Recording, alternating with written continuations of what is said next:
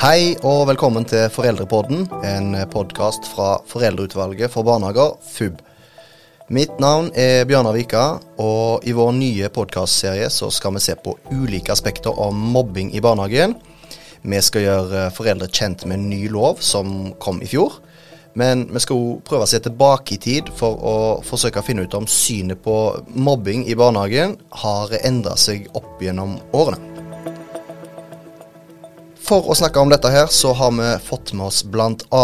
Eh, professor i spesialpedagogikk, Ingrid Lund. Eh, Ingrid, for de som ikke kjenner deg, kan du fortelle litt om deg sjøl? Det kan jeg, vet du. Jeg heter altså Ingrid Lund, og jeg jobber som professor på Universitetet i Agder. Jeg har eh, jobba som familieterapeut i barne- og ungdomspsykiatrien i mange år, og vært spesialpedagog inn i skolen. Spesielt i forhold til barn og ungdom som strever med atferden sin. De siste årene så har jeg aller mest vært i barnehaver og, barnehave, og jobba med barnehaveforskning. Og det er rett og slett fordi at ungdom knytta til mitt arbeid med forskning rapporterer om utfordringer som de kan trekke tilbake til barnehavekonteksten. Og Det har gjort at jeg har blitt nysgjerrig på hvordan er det å være barn i barnehagen, og hvordan er barnehagemiljøet? Så det har jeg jobba med de siste ti årene.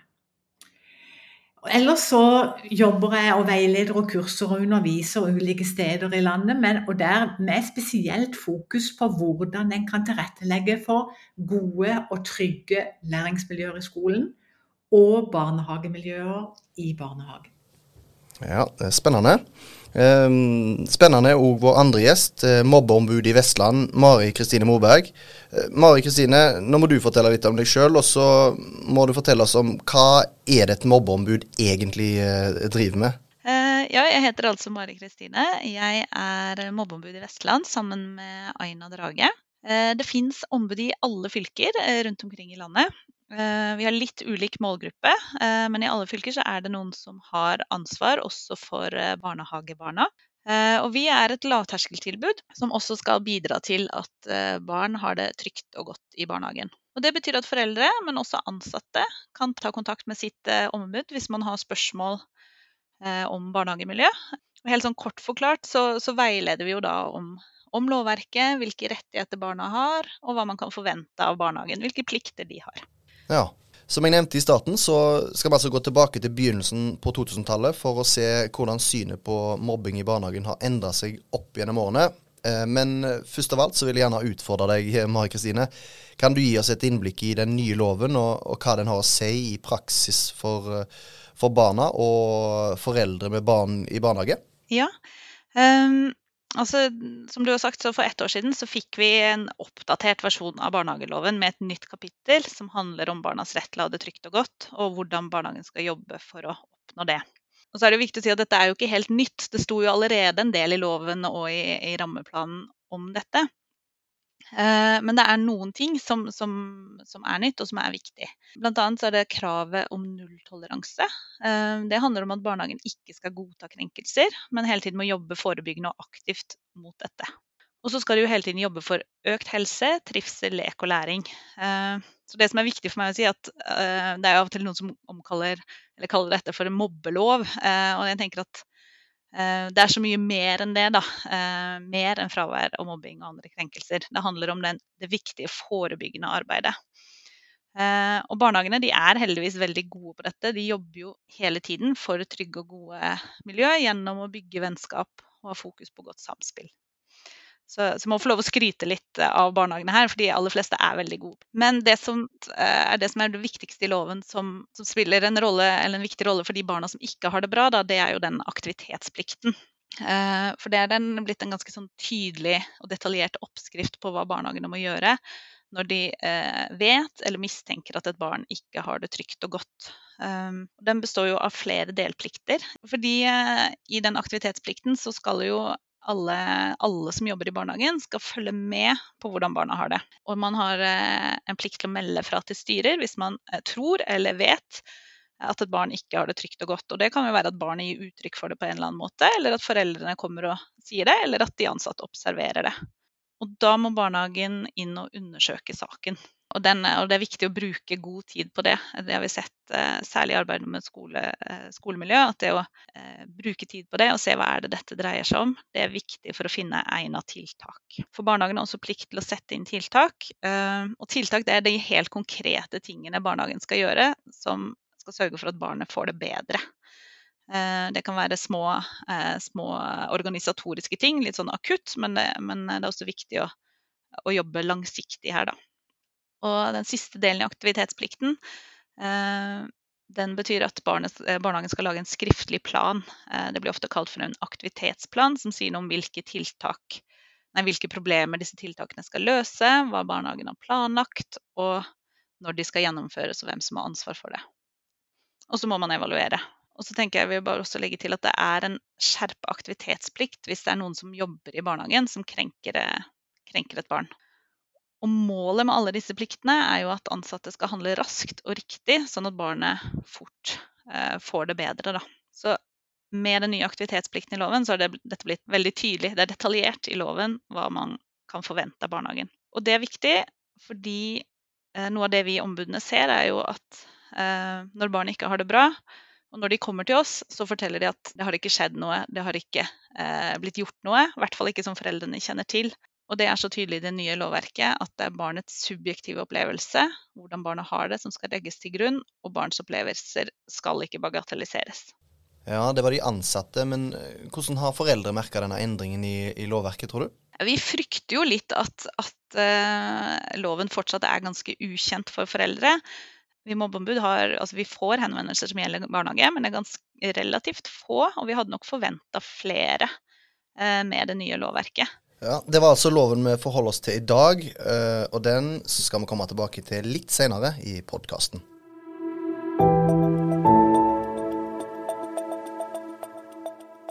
Men nå så skal vi gå litt bakover i tid for å forstå hvordan og hvorfor vi endte opp med dagens lovverk. Uh, Ingrid, du har lang erfaring. Kan du ta oss 20 år tilbake og fortelle oss hvordan synet på mobbing i barnehagen har endra seg uh, opp gjennom årene? Ja, det kan det. Og det er jo faktisk sånn at eh, mobbetematikken helt i seg selv inn i skolen først, da, for 50 år siden, det er jo en ganske ny historie. Og det betyr jo ikke at ikke mobbing skjedde før. Men mobbing som begrep var det jo Dan Olveus som for 50 år siden satt på dagsorden. Og første gang som vi på en måte eh, som vi har eh, forskning knytta til eh, mobbing i barnehagen, som er på en måte som blir anerkjent og fagfellevurdert, det er i 1997. Og i 1996 så ble det jo faktisk nevnt i rammeplanen. Men eh, det ble bare nevnt som forebygging og noe som kommer til å skje. Altså sånn, det er ikke sånn at i barnehagen skjer det mobbing, men det er noe som kan skje, og derfor kan barnehagen forebygge. Mens um, den sveitsiske professoren uh, Francois Alsager hun lagde et program og undersøkte hva er det som hjelper i arbeidet mot mobbing. Et program også som ble innført i Norge noen år seinere.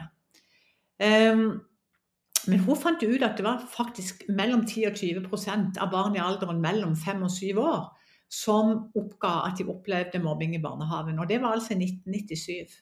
Men allikevel, i Norge så var ikke dette en tematikk som ble løfta opp. Tvert imot, det ble kritisert at mobbing skulle foregå blant små barn.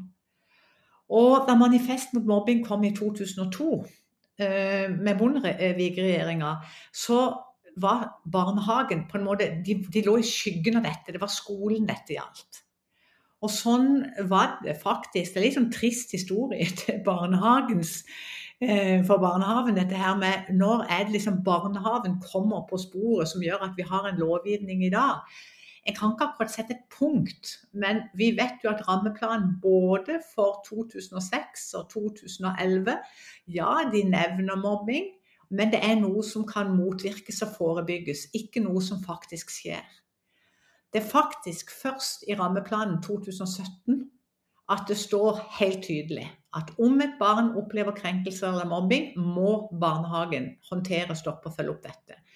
Og den eh, rammeplanen den bygger på funnene og rapporten eh, som ble utgitt i 2015, nemlig rapporten til stortingsmelding nummer 19 fra 2015. den har egentlig vært skjellsettende for det videre arbeidet med mobbing i barnehagen. Um, og det var den som også uh, førte til at det lovverket vi nå har, og fått for et år siden, at det nå har trådt i kraft. For her er, står det at barnehagen skal forebygge, avdekke og håndtere mobbing. Og når den da ligger til grunn, så jobbes det framover både med forskning og i, i, i samfunnsdiskusjonene. Eh, foregikk det sterke diskusjoner. Fins mobbing i barnehagen, eller fins det ikke? Og så etter hvert da, eh, fra, midt, altså fra 2012-2013 og framover, så er det en rekke forskningsmiljøer som har jobba med forskning knyttet til mobbing i barnehagen. Bare si som veldig kort, så har vi jo tall som varierer fra Noen skriver 6% og noen skriver opp mot 12 og 15% med mobbing i barnehagen. Og Grunnen til at det er så forvirrende med disse tallene, det er jo fordi at små barn i barnehagen eh, kan ikke svare på samme måte som skolebarn kan i Elevundersøkelsen. Så gode forskningsmetoder for å fange opp fenomenet, eh, det er mye vanskeligere og utfordrende for oss som forskere. Men når vi skisserer hvor mye mobbing finnes i barnehagen, så sier vi at mellom 6 og 12% Og det er fordi vi har så mange forskjellige undersøkelser. Ja. ja. Så vi ser hele veien at det gjennom forskning og lovverk har blitt et sterkere fokus og i hele tatt en eh, aksept for at det pågår uh, mobbing i barnehagen. Men uh, hvordan har foreldrene merka dette opp gjennom årene? Nei, altså Foreldregruppa følger etter samfunnsutviklinga og forskningen og lovverket. Med det nye lovverket som kom i januar i fjor, så har jo plutselig foreldre fått en tydeligere rettighet knytta til at de skal bli hørt. For ja, det er barnets stemme og opplevelse, men barnets opplevelse går jo veldig ofte gjennom foreldrene. Barn som ikke vil i barnehagen, barn som får vondt i magen, barn som gråter når de skal leveres mer enn vanlig, barn som sier at de ikke har det trygt og godt der foreldrene fanger opp dette, bringer det til barnehagen. Og hvis ikke barnehagen vil høre etter, så har nå foreldrene fått en rettighet som gjør at de skal bli hørt og tatt på alvor. Så det er jo det siste store. Ellers så vet jo dere i, i FUB at det, mange foreldre er fortvila over at de ikke blir hørt når de melder sin bekymring. Og Eh, jeg er enig med Marie Kristine at, at det finnes utrolig mange dyktige barnehaver. Men det som er litt synd, det er at det er altfor store kvalitetsforskjeller mellom barnehaver i Norge. Det er et stort forskningsprosjekt bl.a. til Thomas Nordahl som understreker det. Kvalitetsforskjellene i barnehager er, er altfor store. Og Det betyr at når foreldre da melder ifra til barnehaver, og der kvaliteten er dårlig, så er det et kjennetegn at barnehagen ikke vil lytte til foreldrenes stemme. Og nå, med dette nye lovverket, så må de. Mm. Har dere i Mobbeombudet merka dere at uh, i løpet av de siste årene har blitt mer aksept på at det foregår uh, mobbing i barnehagen nå? Uh, ja, rundt om i hele landet så har vi jo hatt en del ganske stor pågang, særlig siste året, da, men også før det. både fra barnehager og kommuner, men også foreldre som ønsker mer kunnskap. og kompetanse om lovverket, eh, om mobbing. Og de ønsker, eh, særlig ansatte, ønsker å bruke eh, tid på å diskutere begrep og utvikle et sånt felles fagspråk. Og så er det mange som ønsker altså, det å jobbe sammen. Da. Hvordan kan foreldre og barnehage jobbe sammen for et inkluderende og trygt barnehagemiljø?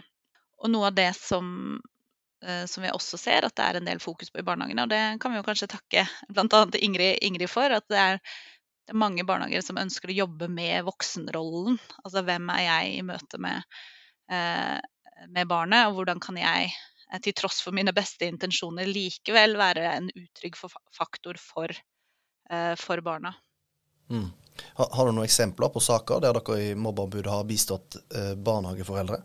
I en typisk henvendelse som gjelder barn i barnehage, så kan det både være ansatte eller foreldre som ringer til oss. Eh, henvendelsene handler ofte om de eldste i barnehagen, eh, mellom fire og seks år som regel. Men vi får også henvendelser som handler om yngre barn. Sakene de har som regel pågått over en viss tid, eh, kanskje mer enn et år. Og barnehagen har enten bagatellisert opplevelsene, eller de ser ikke det eh, barn og foreldre forteller om. Og som regel så har man, de heller ikke lagd eller delt eh, denne skriftlige planen med foreldrene. Det barnet opplever, det er både fysiske og verbale krenkelser, eh, og kanskje aller mest utestenging fra lek. Og barna gir veldig tydelig uttrykk for at de ikke vil i barnehagen.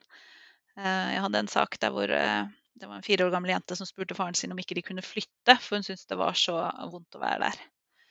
Eh, barn opplever f.eks. at andre spytter i maten deres, eller tråkker på matpakker, eh, spytter i klær, eller opplever gjentatt avvisning. Det vi ser oftest, er jo det at barnehagen bagatelliserer ikke tar på alvor det foreldrene forteller. Det er det som går mest igjen. Når ansatte tar kontakt med oss, for det har vi også en del av, så ber de om verktøy eller hjelp. Eh, kanskje fordi de ikke ser det da, som foreldrene forteller om, men de ønsker. De ønsker jo selvfølgelig at barna skal ha det bra, eh, og vil gjerne ha noen å tenke, eh, tenke høyt med. Og Som ombud så veileder vi da om rettigheter. ikke sant? Hvilke rettigheter har barna, hvilke plikter har barnehagen. Eh, som forelder, hvordan kan du gå fram? Eh, meld fra til pedagogisk leder eller styrer. Gjør det gjerne skriftlig, og vis til barnehageloven. Det skal jo være lav terskel for å tolke noe som en melding om at et barn ikke har det bra, men, men, vi tenker at det kan være klokt å gjøre det skriftlig likevel, da, for å dokumentere underveis. For ansatte så fungerer vi som en sparringspartner. Vi kan stille spørsmål, være noen å tenke høyt sammen med, eller vi kan vise til ressurser og verktøy som fins. Og veldig ofte så består veiledninga av én eller to telefonsamtaler, kanskje før eller etter et møte. Eh, mens andre ganger så er ombudene med i møter i barnehagen. Eh, enten med foreldre eller, eller bare med ansatte for å eh, veilede underveis. Da, at de har noen utenfra å tenke sammen med. Ingrid, jeg ser at du rekker opp hånda. Ja, for det, jeg ble så opptatt av når vi snakker sammen nå, det er jo at det, jeg har selv vært med på å utarbeide et verktøy som heter dialogmodellen. Eh, som er en dialog mellom foreldre og ansatte. Og alle disse verktøyene de kan virkelig, akkurat som Mari Kristine, være til god hjelp. Samtidig så er det sånn at det, det vi ser når vi er rundt i barnehaver, for jeg er også med inn og hjelper helt konkret i kommuner og enkelte barnehaver, det er jo at når vi snakker om kvalitet i barnehagen, så snakker vi også om noen grunnleggende kulturer og holdninger i barnehagen. Holdninger til barn. Holdninger til barn som strever med atferden sin, som ikke får til leken. Som kanskje, ja, det kan godt være at de slår andre barn. Det kan være at de biter andre barn. Det kan være barn som virkelig strever. Og da, den holdninga vi har, ja det er en umulig unge, ja der har vi en mobber. Nei, der har vi et barn som har det vondt. Og det er, en, det er, en, holdning til det barnet. Dette er ikke en mobber. Dette er et barn som uttrykker følelsene sine, som har det vondt, og som trenger hjelp og veiledning og støtte og kjærlighet i bøtter og spann for å finne veien tilbake til de andre og til seg selv. Og da er de fullstendig avhengige av de voksne. Mm. Har du noen konkrete eksempler der du har vært ute i barnehagen og, og, og, hjulpet noen? Ja, det har jeg. Og det som jeg ofte har gått inn og sett på, da, det er jo kommunikasjonskulturen i barnehagen. Det er alt fra det første god morgen på morgenen. Eh, hvordan barn blir tatt imot, og hvordan kulturen er for hvordan vi snakker om barn og foreldre. Jeg har barn som har sittet alene i sandkassa og der de voksne sier at ja, vi hadde broren for to år siden, han var jo så stille, han satt bare der, og han hadde helt, hun hadde helt greit av henne i det ene hjørnet. Når en begynner da å si at ja, men dette barnet sitter alene lenge hver eneste dag, da er vi inne og har observasjoner i barnehagen. Eh, dette barnet trenger hjelp til å komme inn i legen, hva tenker dere om det? Nei da, hun har det helt greit. Da må det endres noen holdninger i forhold til det barnet. Barn som sviver rundt i barnehagen, sviver og sviver og sviver rundt, har ingen å leke med, og de sier nei, hun er bare litt surrete. Sånn er hun bare. Da er det holdninger i forhold til barn som strever med å komme inn i lek som det må jobbes med. Og jeg må bare si en ting som ikke vi har snakka om nå, for det er jo voksne som krenker barn, som det Mari Kristine var inne på. Vi har fått en egen paragraf som faktisk skal beskytte barn mot ansatte i barnehagen som krenker barn. Og det som Når jeg snakker om tilbakemeldingskultur, så det vi ser er at når vi intervjuer ansatte i barnehagen, så sier de at de syns det er kjempeskummelt å si ifra når de ser en kollega krenke et barn. Og det syns de er skummelt fordi de er redd for at det bare skal bli verre, og at det skal bare bli bortforklart. Og Derfor er det så viktig med gode kulturer i barnehagen, der det blir en naturlig ting at vi gir hverandre Masse gode tilbakemeldinger når vi gjør det bra. Så bygger vi opp en konto med gode tilbakemeldinger, sånn at vi tør å si ifra når det røyner på og vi ikke gjør en god nok jobb. Barna er fullstendig avhengige av det, for barn i barnehagen kan ikke si fra på samme måte som skolebarn. For det språket og maktposisjonen er litt annerledes. Så Derfor er denne, denne, loven også utrolig viktig, og det er derfor og jobbing med hele kulturer og ledelsen i barnehagen, med en tydelig ledelse som faktisk sier stopp, og som er tydelig på å lage en kultur der vi kan si både stopp og hurra for det for alt det gode du gjør. Ja, jeg tenker at barnehagestyrere og ansatte noterer så blekket spruter der ute, Ingrid. Eh, men vi i FUB da, vi ønsker en lovendring. Fordi at eh, vi blir kontakta av så mange fortvilte foreldre som ikke kommer til en løsning med barnehagen. Der barnehagen rett og slett ikke klarer å løse floka. Så det vi ser behov for, er en håndhevingsordning. En nøytral instans som f.eks. statsforvalter, som kan gå inn og se på sakene, akkurat som i skolen. Hva tenker dere i mobbeombudene om dette? Er det en mulig løsning i loven? Ja, altså vi, vi ser jo også det samme. ikke sant? Altså Det som skiller barnehagehenvendelsene fra, fra skolene, er jo nettopp det at OK, jeg har, jeg har tatt opp med PED-leder, vi har gått til styrer, og fortsatt så blir det ikke bedre. Hvor, hvor skal vi henvende oss nå? Um, og da, da, skal man jo gå til, til, eier, eller, eh, og det kan jo være kommunen hvis det er en offentlig barnehage, eller, eller til eh, det kan være en stor kjede, men det kan jo også være en veldig, veldig liten privat barnehage. Sant? Sånn her, at, uh, her, er det så store forskjeller, og det er vanskelig for foreldrene å finne fram. Da. Så det er vi også veldig opptatt av at barnehagene må informere om hvor nøyaktig hvor skal man henvende seg hvis, hvis, det barnehagen gjør, ikke virker. Og vi følger jo også med på um, altså hvordan, eh, hvordan, kommunene fungerer som barnehagemyndighet. Hvordan blir det fulgt opp at, at, uh, at barnehagen uh, gjør det den skal, altså den rollen som statsforvalteren uh, har. Altså, nå har jo ikke bar barnehagebarna den samme rettigheten. De har ikke den individuelle retten som, som elever har. Så vi eh, mobbeombudene følger jo også med på det, og er jo Eh, spent. Vi regner jo med at det kommer en evaluering av hvordan loven eh, har fungert.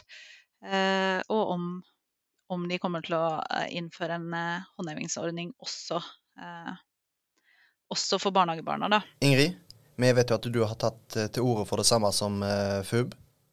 Og Det er jo fordi at gjennom en håndhevingsordning så vil foreldre og barn få styrka sine rettigheter. Hvis f.eks. en barnehage i samråd med barnehageeier mener at de har fått oppfylt aktivitetsplikten. Og de mener at barnet har det trygt og godt. Men foreldrene de mener at barnet fortsatt ikke har et godt og trygt barnehagemiljø. Så er det faktisk en utrolig viktig instans som kunne komme ut, inn utenfra, og som kunne se på det hele med et nytt blikk. Og Det er også noe av det hovedargumentet for at barnehagen skulle få en egen håndhevingsordning. Med en instans utenfra, barnehage og barnehageeier, som kunne i, i, samarbeid, i dialog med foreldre, barnehageeier og barnehage, finne ut av hvordan kan barnet ha det trygt og godt. Og at alle parter eh, på en måte kan finne fram til sammen at nå har barnet det trygt og godt. I skolen så er det jo statsforvalteren, og det er jo også det som er foreslått av de av oss som har uh, spilt inn forslag i forhold til en utvidelse av lovverket. For det er jo faktisk sånn at det er en fare for at barnehage og barnehageeier kan gå i noen sånne usunne allianser med hverandre. Der en kan eh, utarbeide en felles forståelse om hvordan barn har det. Som ikke er i tråd med hva foreldrene opplever Eh, gjennom samtaler og observasjon med sitt barn. Så da er det rett og slett økt rettssikkerhet for foreldre og barn hvis en håndhevingsordning kom på plass, også for barnehaver. Ja, det blir spennende å se om det kommer noen endring i lovverket etter hvert. Vi er iallfall ferdig for i dag. Takk til professor i spesialpedagogikk Ingrid Lund, og takk til mobbeombudet i Vestland Mari Kristine Morberg. Foreldrepodden kommer snart tilbake med et nytt avsnitt om mobbing i barnehagen. Og er du forelder eller ansatt i en barnehage, så må du huske at du kan kontakte våre barnehagerådgivere på telefon eller via vårt eh, kontaktskjema. Mer informasjon finner du på vår hjemmeside foreldreutvalgene.no. Der kan du melde deg på vårt nyhetsbrev, laste ned eh, støttemateriell om f.eks. trygt og godt barnehagemiljø, finne filmer og mye annet snacks. Følg oss gjerne på Facebook og Instagram. Ha det bra.